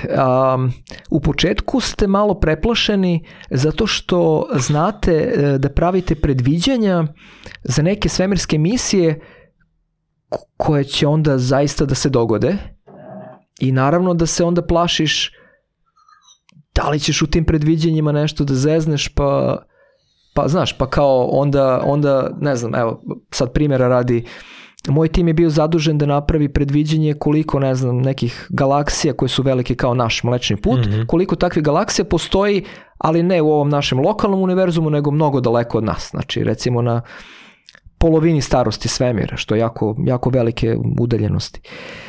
I mi smo tu dobili neku brojku ne znam, par stotina milijardi, čini mi se, i sad, znaš, to je, to je predviđanje koje je vrlo proverljivo i sad, evo, Euklid snima i sad meni je malo frka da vidimo da, da, li, da li će to, ta brojka da bude precizna ili neće. E sad, s druge strane, kada prođe taj neki početni malo strah, ta, da kažem, malo stres oko odgovornosti, ovaj, onda naravno, onda se srećan što imaš neki tim ljudi sa kojima radiš, um, upoznaš jako veliki broj kolega iz raznih krajeva sveta sa kojima se ono, konektuješ, Mhm. um, razne kulture, e, učimo kako da razgovaramo u tim velikim kolaboracijama. Dakle, nije, to nije neki piramidalni sistem gde, gde imaš jednog velikog šefa, jednog štrumfa, pa o, ostali da rade. Nego više oko horizontalno imaš jako veliku slobodu da nešto predložiš, ali naravno imaš i odgovornost. I to je taj jedan ovaj osjećaj. Onda ovako emotivno e, meni je, znaš, mi smo iz Srbije, ja i dalje imam srpski pasoš. Ovaj, m, bio sam dugo jedini čovek sa srpskim pasošem u Euclid kolaboraciji. A, a ono što je zanimljivo za, vrš, za nas koji smo iz, rodom iz Vršca, Druga osoba koja se sad nedavno pridružila toj kolaboraciji Euklid je Ivana Damjanov koja je takođe rođena u Vršcu. Pa sjajno. Sjajno, znači, a inače živi žena u Kanadi jako dugo. Tako da to je dva, dvoje vršćana u, u, ne znam, najvećoj astronomskoj kolaboraciji, mislim da statistički da smo pravili, ne, ove, mogli da to izračunamo.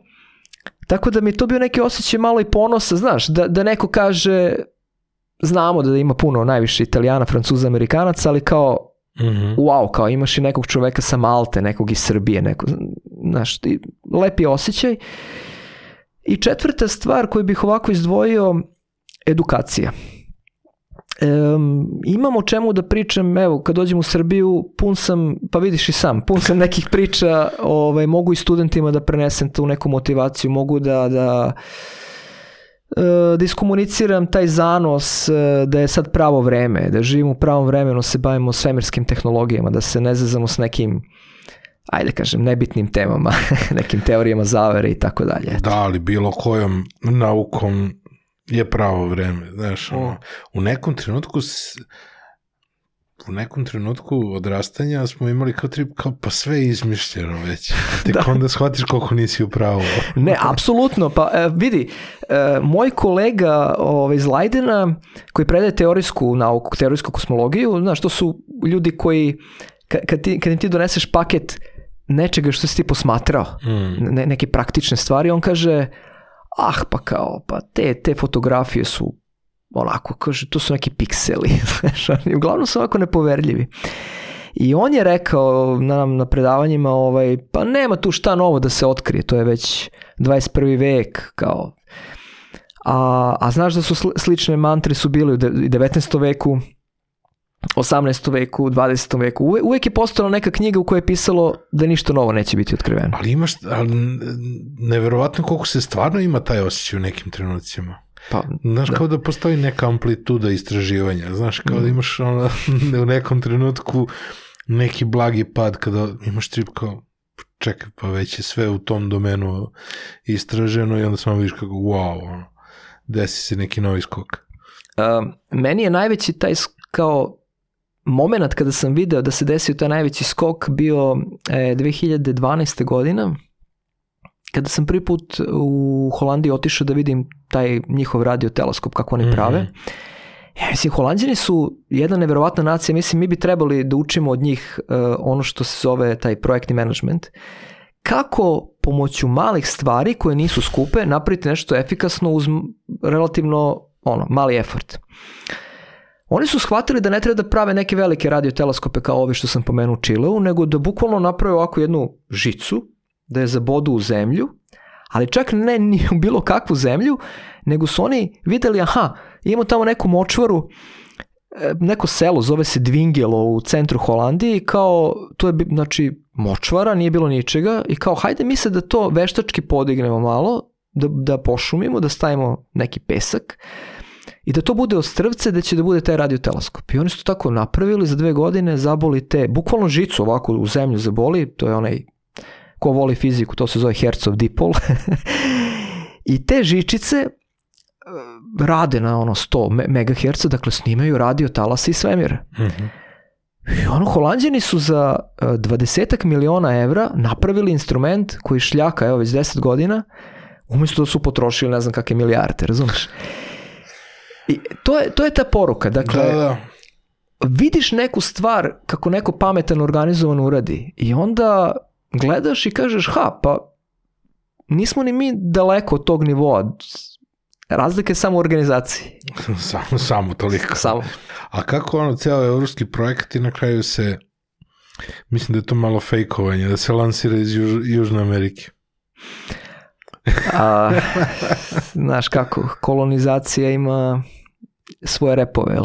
I, Um, Ali je... definitivno ne postoji bolja lokacija, ne postoji u Evropi ni jedna lokacija u kojoj bi moglo bolje da se lansira ne. u odnosu na to što Francuska ima Apsolutno. u Gvajani. Ne, ne. U Francuskoj Gvajani je ove, idealna lokacija. Um, pa kako to u praksi izgleda? Evo ovako, dakle, Euclid teleskop je sklopljen u Torinu, mm -hmm. onda je spakovan u jedan veliki kontejner, odnešen u Đenovu, iz Luke Đenova je e, specijalnim brodom je odneo za francusku Gvajanu. Izvini, trebalo je da ode za francusku Gvajanu, Trebalo. ali zato što nije e, ovaj put je napravljen taj izuzetak što smo pomenuli e, znači nije Ariana nosila ovaj Euclid Mhm, nego Maskova raketa mhm. tako da umesto u Gvajanu otišao je na Floridu. Ali hoću da kažem ovaj, većina, većina drugih instrumenta je išla za francusku Gvajanu ali uglavnom brod dođe u luku otpakuje se instrumentacija. E, tamo postoje nekakve specijalne vakum sobe gde se testira da li ima da li se nešto oštetilo tokom plovidbe proveravaju se ti velika ta, ta ogledala da li nešto, da li sve ok mislim, to je Mhm. sve sp- spakovano specijalne sanduke i e, treba tri dana da se to postavi uglavnom onda raketa čeka otprilike dan, dva dozvolu da poleti i tako, eto, to je, to je taj moment. Nama je naravno najstresniji taj, tih 10 sekundi kad, kad krene. Aha. To je, znaš, A koliki je period od trenutka kada vi završite posao do, do tih 10 sekundi, koliko taj proces ono, logistike i svega ostalog? e, oko, Koliko je to čekanje? da, pa oko e, šest meseci nekada znam da bude. Mm. Da. A koliko je čekanje posle lansiranja dok on ne dođe u svoju neku tačku gde, E, do te recimo druge Lagranžove tačke? Evo, Koliko je bio znači, taj proces čekanja? tri meseca. Tri meseca. Tri meseca. Tri meseca, dakle, Euclid teleskop je lansiran 1. jula sad 2023. godine, e, 12. septembra je krenuo sa ovim naučnim operacijama. Mhm. Dakle, to je koliko, je tako? Tri, ne, dva meseca i nešto. Deveti, da, dva, skoro tri meseca, ajde da kažem, mu je trebalo da, da krene sa naučnim operacijama. Znači, prvu sliku koju smo dobili sa Euklida, dobili smo uh, u crno-belom formatu, bez um, ikakve obrade, znači to nisu nekakve fancy fotografije, a prve ove, a, da kažem, za javnost e, slike koje smo dobili, dobijene su sad pre evo mesec dana. To Mhm. možete da vidite na, na internetu. Ako ukucate, e, to je jedno veliko polje galaksije sa oko hiljadu nekakvih crvenih tačkica i ako se, ako neko od gledalaca ukuca to i vidite crvene neke plave i crvene tačkice, ako se pita šta je to, svako od tih tačkica je jedna galaksija nalik našoj koja ima oko 100 milijardi zvezda, poput sunca. Ali taj transfer je radio talasom, ili tako? Ne, Euklid je ovaj optički i bliski infracrven. Znači snima. ne, ne, kako šalje? A kako šalje? Šalje, da, da, da. Šalje, da. Šalje... Wi-Fi. Da, da, da, šalje. ovaj, da, da, da, to je, to je brza, brza konekcija. ovaj, e, mislim, ako se dobro sećam, da je ovaj kolega koji radi na transportu podataka rekao da je oko 80 gigabajta podataka dnevno stiže. Dakle, 80 gigabajta dnevno, to je računaj 10 godina ako radi, to je ne mogu da izračunam. Kao Islam trlja ruke za data centar. Pa sećaš, se sećaš koliko je bio moćan tvoj prvi, ne znam, računar u srednjoj školi? Da li imaš Ne mogu da, da vratim to film, probao sam ono, ali... Ja isto- ovaj, ali znam ono da se uvijek koristi ono poređenje kao da je tipa telefon koji držimo u džepu jači od kompjutera koji odvaja ljude na mesec. Pa da, bukvalno. U svakom pogledu. U svakom pogledu, da. Ove, ja se sećam nekih megahertz, ali tako? Jeste, Procesori su bili... Ne, to se sećam, to je bilo, Da, znači da. krenulo se od onih e, 486 na 100, pa su se pojavili Pentium i 100, 100 133, 166, to se sećam. Jest. Megahertz se sećam, ali ovo memorije hard diskovi i to, e, to je toliko skaliralo da nemam, ne, nemam više uopšte sećanje koliko je bilo neko, Mm. šta je, koja je mera bila inicijalna. Mega, megahertz se sećam. Mislim, ja se sećam onog vremena kad smo u prvom razredu gimnazije imali na floppy diskovima po neku pesmu kad skinemo, znaš, ono... Da, mega, Metallica je bila otprilike na dva flopija. da, da, ono je bilo uh, megabajt 44, ne? pa da. Da. I Megabajt ovaj... 44, 3 megabajta pesma, pa da, to O- ima smisla. Ovo čisto pričam za ove mlade ljude koji ovo gledaju da znaju sa čim smo mi mo- morali da startujemo, sad pričamo, evo, je, Interesuje ih. Hm? Skoro da ih ne interesuje. Misliš? Da, neki, neki su čak u fazonu, ono, to znam bila najveća sprdnja, kao kad im pokažeš floppy disk, svi misle da si 3D printovao save dugme. Ajde. Pazi ti to. Pazi ti, dokle smo došli da smo se vratili, ono, kao, ako nekom sada klincu pokažeš Mm. ovaj, pokažeš floppy disk iz prošlosti, on će da misli da si 3D printovao save dugme. Što on zna šta je save dugme, ali ne zna šta je floppy. Ne zna odakle uopšte to i došlo. Klinci samo napred. Ali dobro, do, dobri su zato što jako brzo prihvataju neke stvari.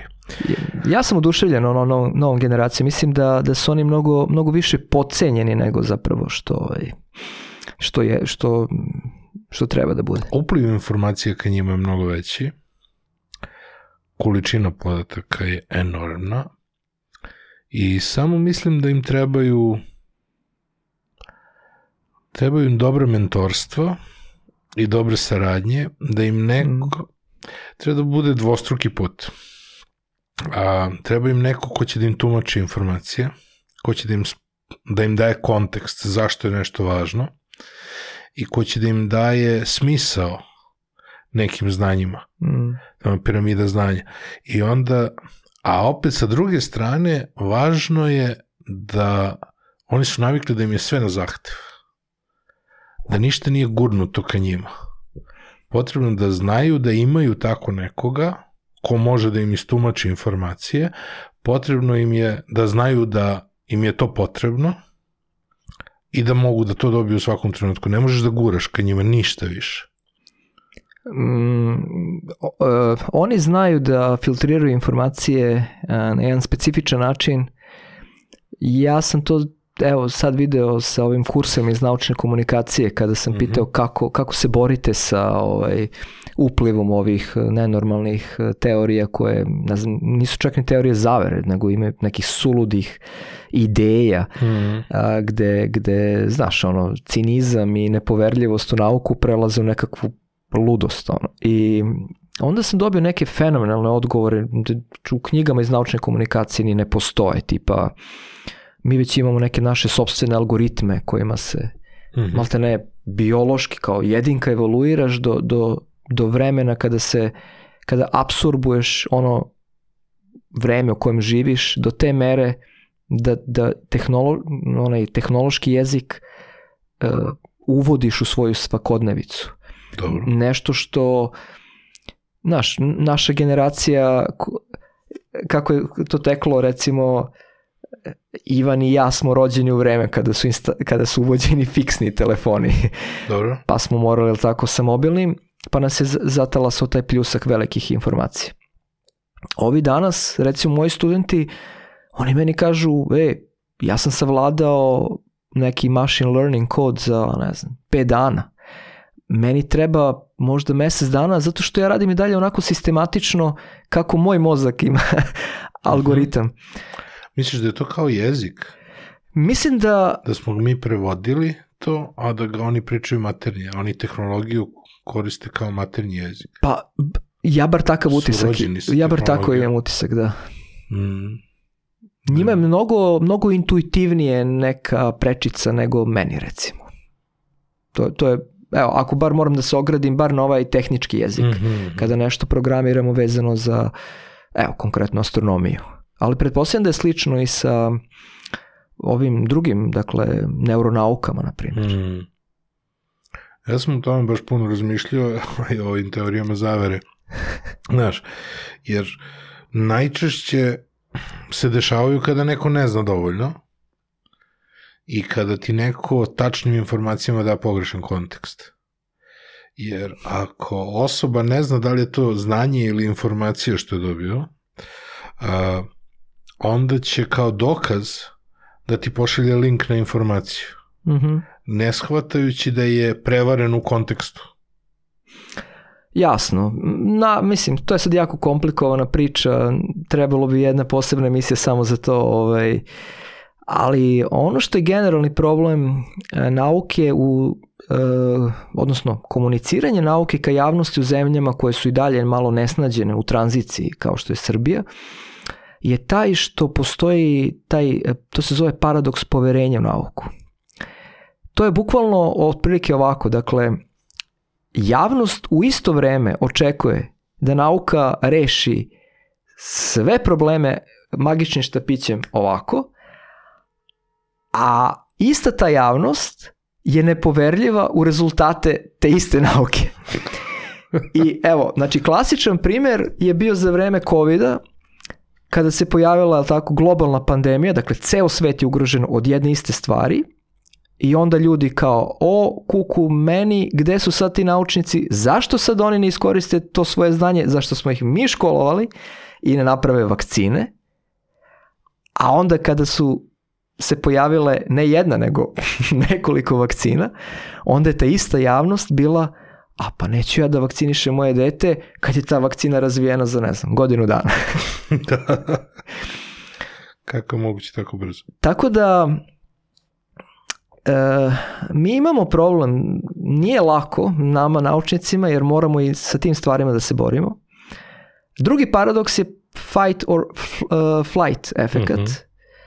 To je ono što ljudi koji prolaze kroz neke periode anksioznosti, borbe sa stresom. Uh, Kako bismo to preveli, pošto prvi put se pominje u podcastu, bori se ili beži? Bori se ili beži, jest. Uh, dakle, imate, u stresu ste, pod pritiskom ste i, mislim sad ja ovako laički to objašnjam, mm. to neko ko se bavi psihoterapijom, psihologijom će ti lepo reći, ali dakle, imate tu reakciju da se na neki sekund ili minut zamrznete i da kao gledate u nešto što percipirate kao nekog Herkulesa, a u suštini je mala možda stvar koju samo na drugi način rešite.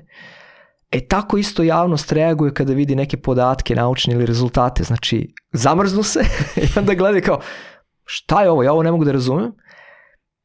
I kada kažu ja to ne mogu da razumem, imaš dva puta, ali tako? Mm. Jedan put je hajde da se edukujem, a drugi put je Ne.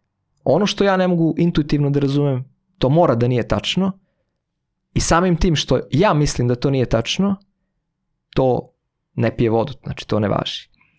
I zato je ljudima koji pripadaju ovoj drugoj grupi jako teško da priznaju sebi i da drugima i sebi generalno uh, priznaju da uh, je, ne znam, ono, svemir star 13,7 milijardi godina, da tu nije baš bio neki početak kao što mi zamislam, zamišljamo šivenje, ne znam, ili pletenje džempera, nego da je to nekakav malo onako abstraktan početak, da zemlja baš nije ravna ploča, nego malo onako sferičnog oblika i tako dalje. No, trbušasta. Što trbušasta.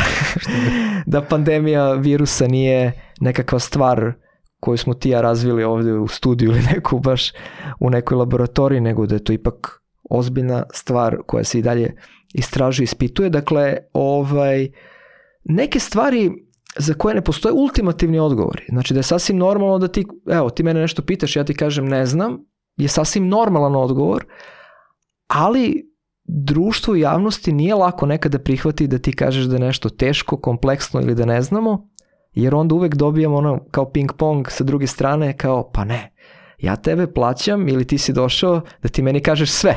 ja od tebe mm. očekujem da ti budeš bezuslovni autoritet. Meni je jedna od ideja bila da stavim broj 6 na, ovaj, na 100. Aha. I da to bude oznaka. Jer u tom trenutku ti vidiš 9, ja vidim 6. I obojica smo u pravu. Pe, perspek, ko, koji, je, koji je broj na stolu, mm. znaš? Sad za tebe je 9, za mene je 6. I to je ultimativna fora kako možeš da pokažeš nekome da dvoje ljudi mogu da budu u pravu da je stvar perspektive. Apsolutno. Ovo ne pokušavajte kod kuće.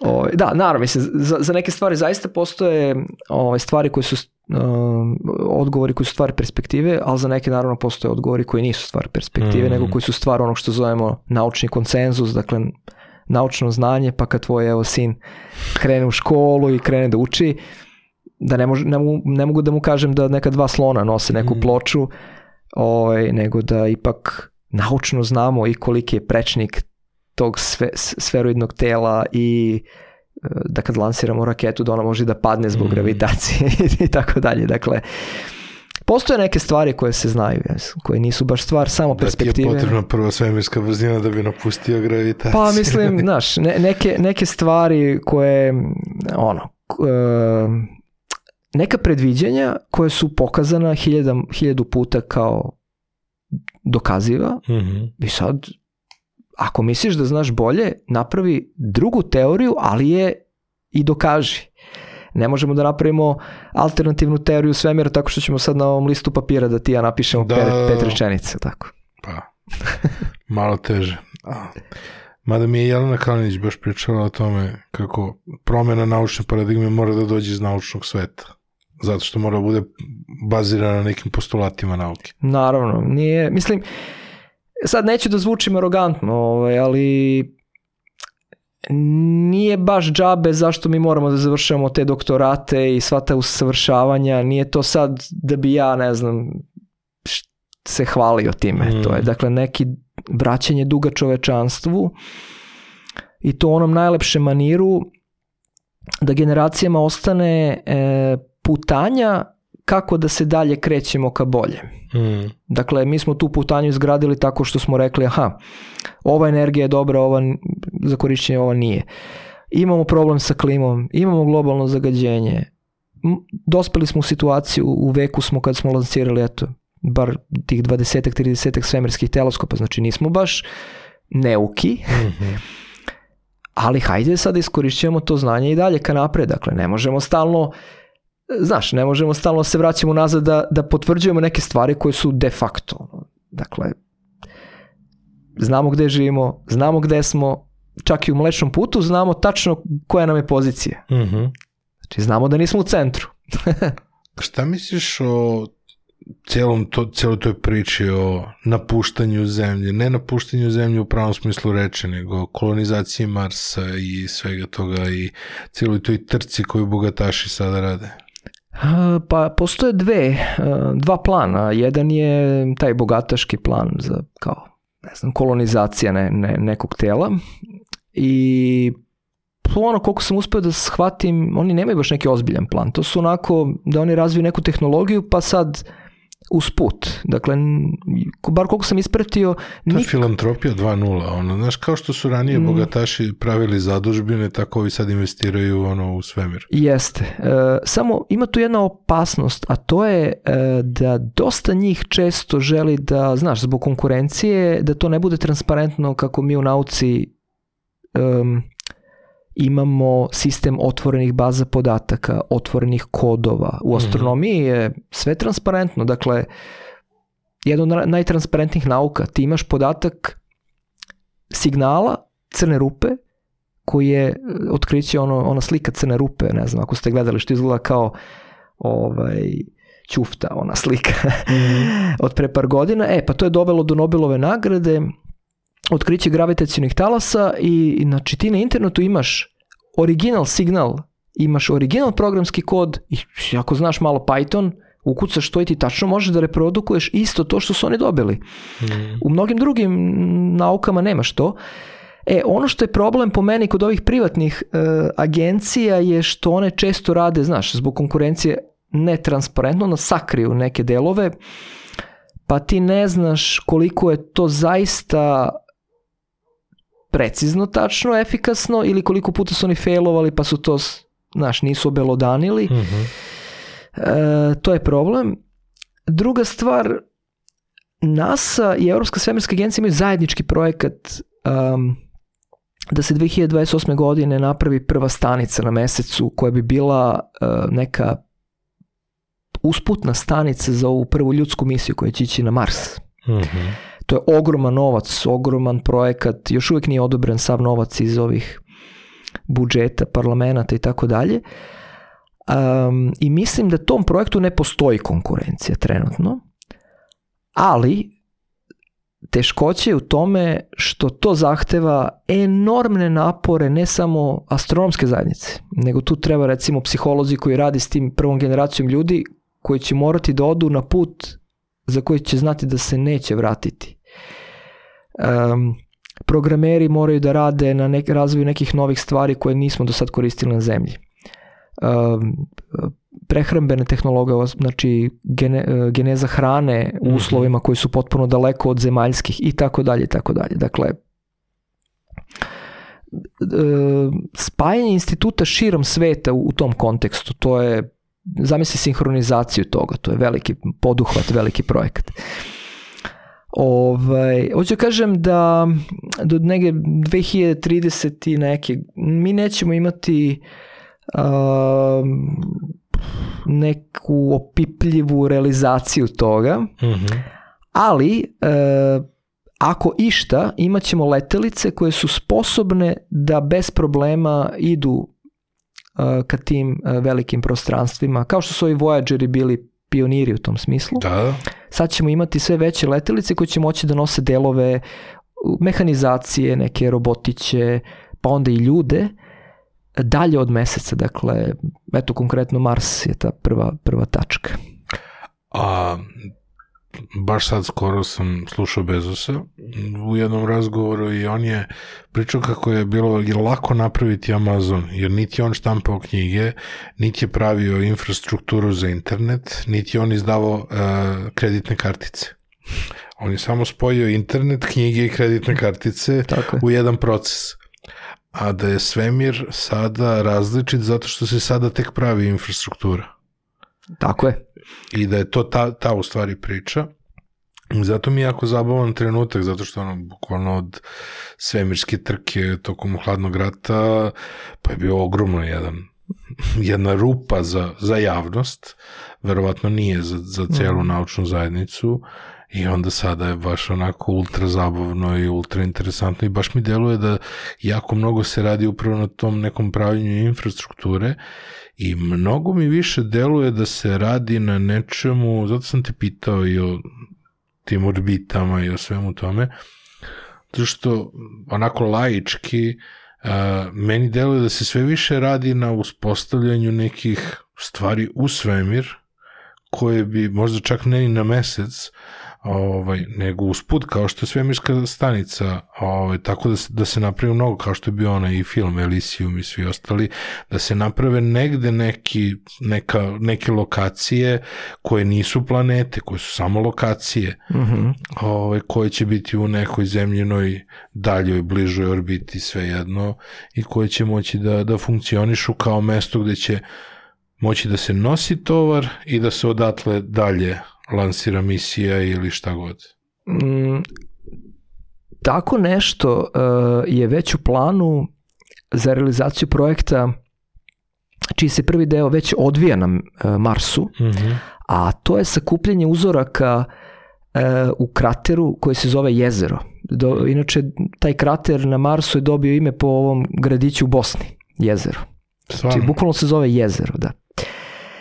Em, e, znači, u tom jezeru na Marsu, ne u Bosni, nalazi se trenutno Nasin rover, ima čak i helikopter mali koji uh, preleti ovaj, par metara sa jedne lokacije A na lokaciju B u tom krateru.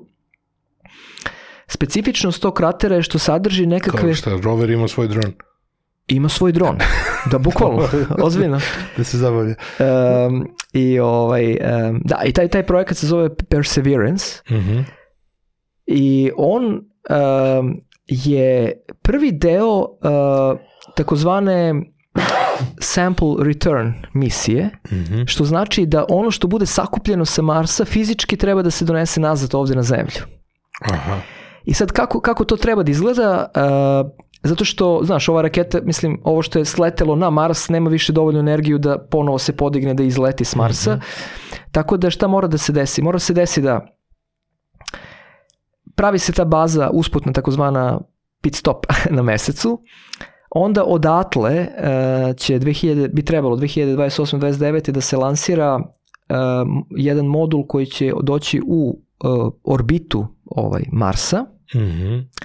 i sad najzanimljiviji detalj, a ovo što je na Marsu ovaj robotić, on ima ovako uh, kao kapsulu tu neku zapakovanu i on će trebati da degažira to kao futbalski golman ka orbiti, bukvalno, On će da, is, da ispali Da- svoje semplove. da, da ispali taj sample tako da ovaj, kad dođe u tu preciznu tu tačku, to mo, mislim, može sada da iz- izračuna precizno, da ovaj uhvati i onda će taj orbiter da ide nazad, da, da vrati to na zemlju. To je, to je ta uh, misija. Uh, prva faza te misije, dakle, sakupljanje i to trenutno je završeno. I meni je to prelepa jedna priča. E, dakle, sa tim uzorcima mi ćemo moći onda da kažemo kakvi su uslovi bili, kakvi su sad na Marsu, vezano za geologiju, mineralogiju, razne neke stvari. I e, to je neka naučna preteča onoga što, znaš, ovo sve ove, kad pričamo sa ti ja o mogućnosti uh, slanja jel, ljuds, Mhm. ljudske neke kolonizacije negde, mi ne možemo tek tako pošaljemo ljude, mo- moramo da znamo šta zaista vlada na, na tom telu. A jedan, jedan mali de, detalj tog celog projekta, upravo ovo što si pomenuo, su tako te neke usputne stanice. Pa to, ali mi znamo kako je na svemirskoj stanici. Na, mi znamo mi kako znamo nas... kako je na svemirskoj stanici. Mi Mhm. samo m, nismo još krenuli u to da pravimo, aj pravimo 10 puta veću. Upravo I da to. je stavimo ono, tri puta dalje.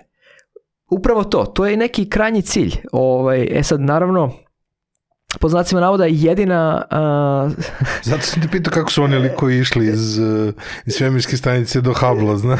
pa evo, ima, ima video, možda Da, se da. vidi. Dakle, oni su izašli bukvalno iz, iz ovog... Spacewalk. Pa spacewalk, da.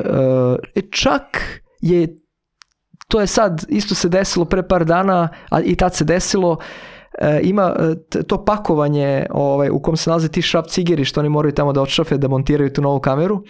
Dobro. Ispao je jedan šrap ciger devojci koja je montirala i to se desilo 98. i sad pre par dana isto su nešto čačkali, popravljali i sad isto ispao je, tako da imate dva šrap cigera Ako vam zatreba. ako vam zatrebaju, znači da znate, eto, direktan dokaz da je čovek izašao u orbitu.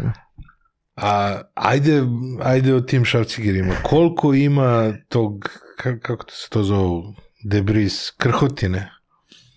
Koliko ima smeća u orbiti? Ima dosta, da. Pa evo, samo, Od samo sa, pobroj satelite. od svega. Da, ima, ima dosta. A? Pa evo, samo pobrojiš satelite i to je to, mislim, ima baš, baš dosta. Ja ne znam tačno šta je trenutno... em, Ujedinjene nacije imaju program kako, kako se taj svemirski otpad reguliše i ja nisam ispratio šta je na kraju ovaj, donešeno. Mhm. Treba da bude neki update. Možda je već donešeno ovaj, formalno pravno će se regulisati to. Šta, šta se radi sa, sa svemirskim otpadom? Čiji je Mars? Mars je, Mars je marsovski. A, planete su, nisu naše teritorije, dakle, e, postoji čak i oko meseca ovaj, da li neka baza možda se pripiše nekoj državi ili je to u službi celog čovečanstva, trenutno je ovo drugo. A naravno, e, razne privatne agencije, korporacije pokušavaju da izguraju te neke stvari kolonizacije, iskorišćavanja resursa i tako dalje. Da, zato i kapiram da je ovo što sam ja malo prepričao o ovim svemirskim stanicama, da bi investirali to, zato što bi oni bili vlasnici de facto toga što su napravili, pa čak bilo i u svemiru. Jest. Ove, ali baš me zato interesuje čiji je Mars. Ne, Mars nema, ovaj, mislim, on je dakle svoj, ničiji. Um, sva tela do koje je došla neka zemaljska letilica, dakle mi imamo trenutno taj regulisan jedan deo gde mi koristimo uređaj napravljen sa zemlje za istraživanje svemirskih teritorija, ali nemamo pravo da ih kolonizujemo. E, postoji cela jedna disciplina koja se zove ko, kosmičko pravo, svemirsko pravo, Stvarno. Da, ima ljudi, da, da, da, imaju ljudi koji rade doktorate iz toga. Znači, že ima na, naših ljudi koji rade doktorate iz, tu u Nemačkoj, ima u Americi. Um, I sad ja zaista ne, pošto sam totalni like za Nema tu veze, temu, ne nađi, znam. nađi mi kontakt. Da, znači, ovaj, nađi mi kontakt nekoga. Ono. eto. Ja, ono, mnogo me, mnogo me zanimaju tako be, ono, besmisleno neka pitanja o svemiru. Ne, ovo je vrlo smisleno pitanje. Da, da, čije je to? Doći će vreme dođe, kada će da, to da, postati, će. da. A to danas ne znaš šta će biti pitanje budućnosti. Pa evo ti, mislim, Antarktik, jel tako? Mislim, znaš, um, Ko veruje da postoji? Pošto postoji Dobro. to Ako ne verujete meni, Ivanu, da postoji Antarktik, ja ću vam dati broj telefona moje koleginice Jessica sa univerziteta u Čikagu, koja svakog leta odlazi u, na, South, na ovaj, Južni južni, pol. pol, spušta se ispod leda, ovako 10 metara ima ta jedan kao tunelčić, gde ona bukvalno zarovni u tunel da bi se spustila ispod mehanizacije teleskopa, Mhm. pošto ona se bavi elektronikom, da ona vidi da li tu sve radi ok. Znači, ako, evo, ako išta, ona, ona će vam vrlo iz prve ruke reći ovaj, kako je to. Ali on, onda bi rekli, to je pre zida, znaš. Da, da. Ima zid iz.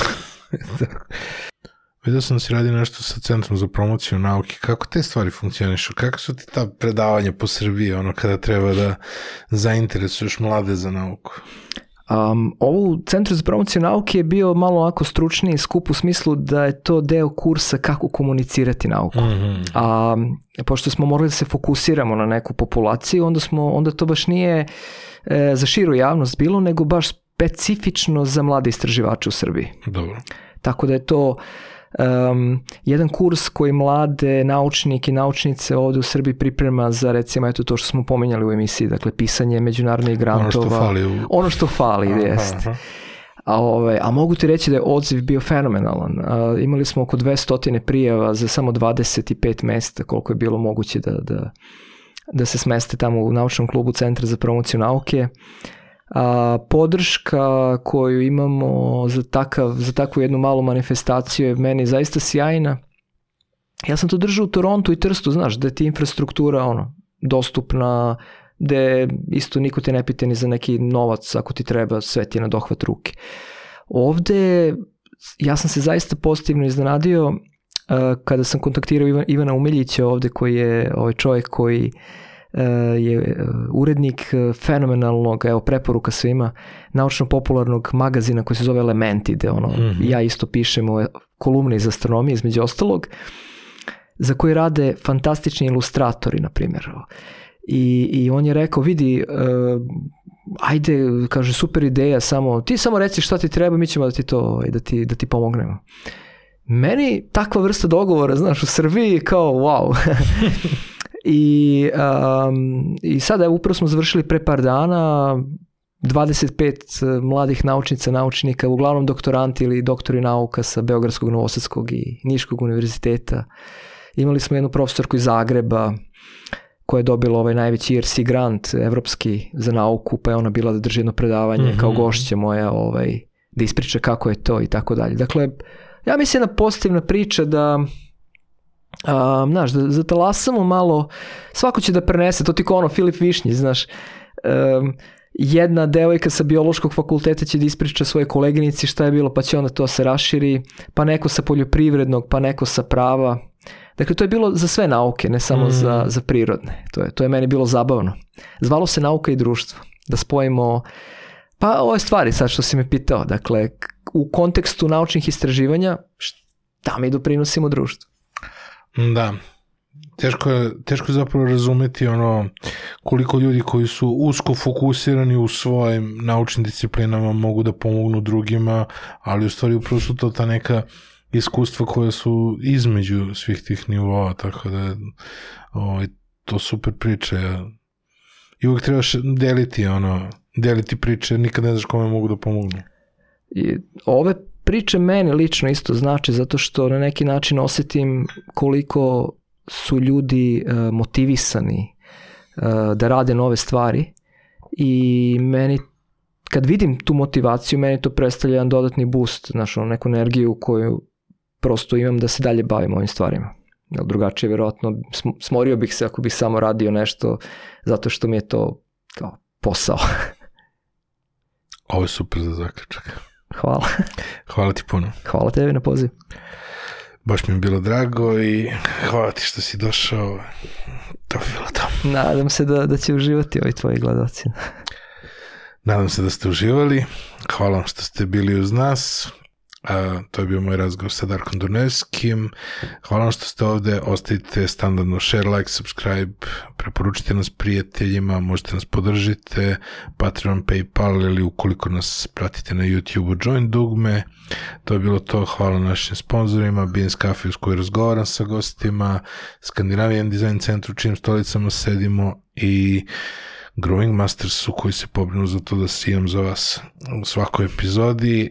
Nude popust od 15%, sve što je potrebno ukucate JPJ 15 prilikom kupovine na njihovom sajtu i dobit ćete popust od 15%, to bi bilo to, slušamo se i gledamo sledećeg četvrtka, čao čao, bye bye.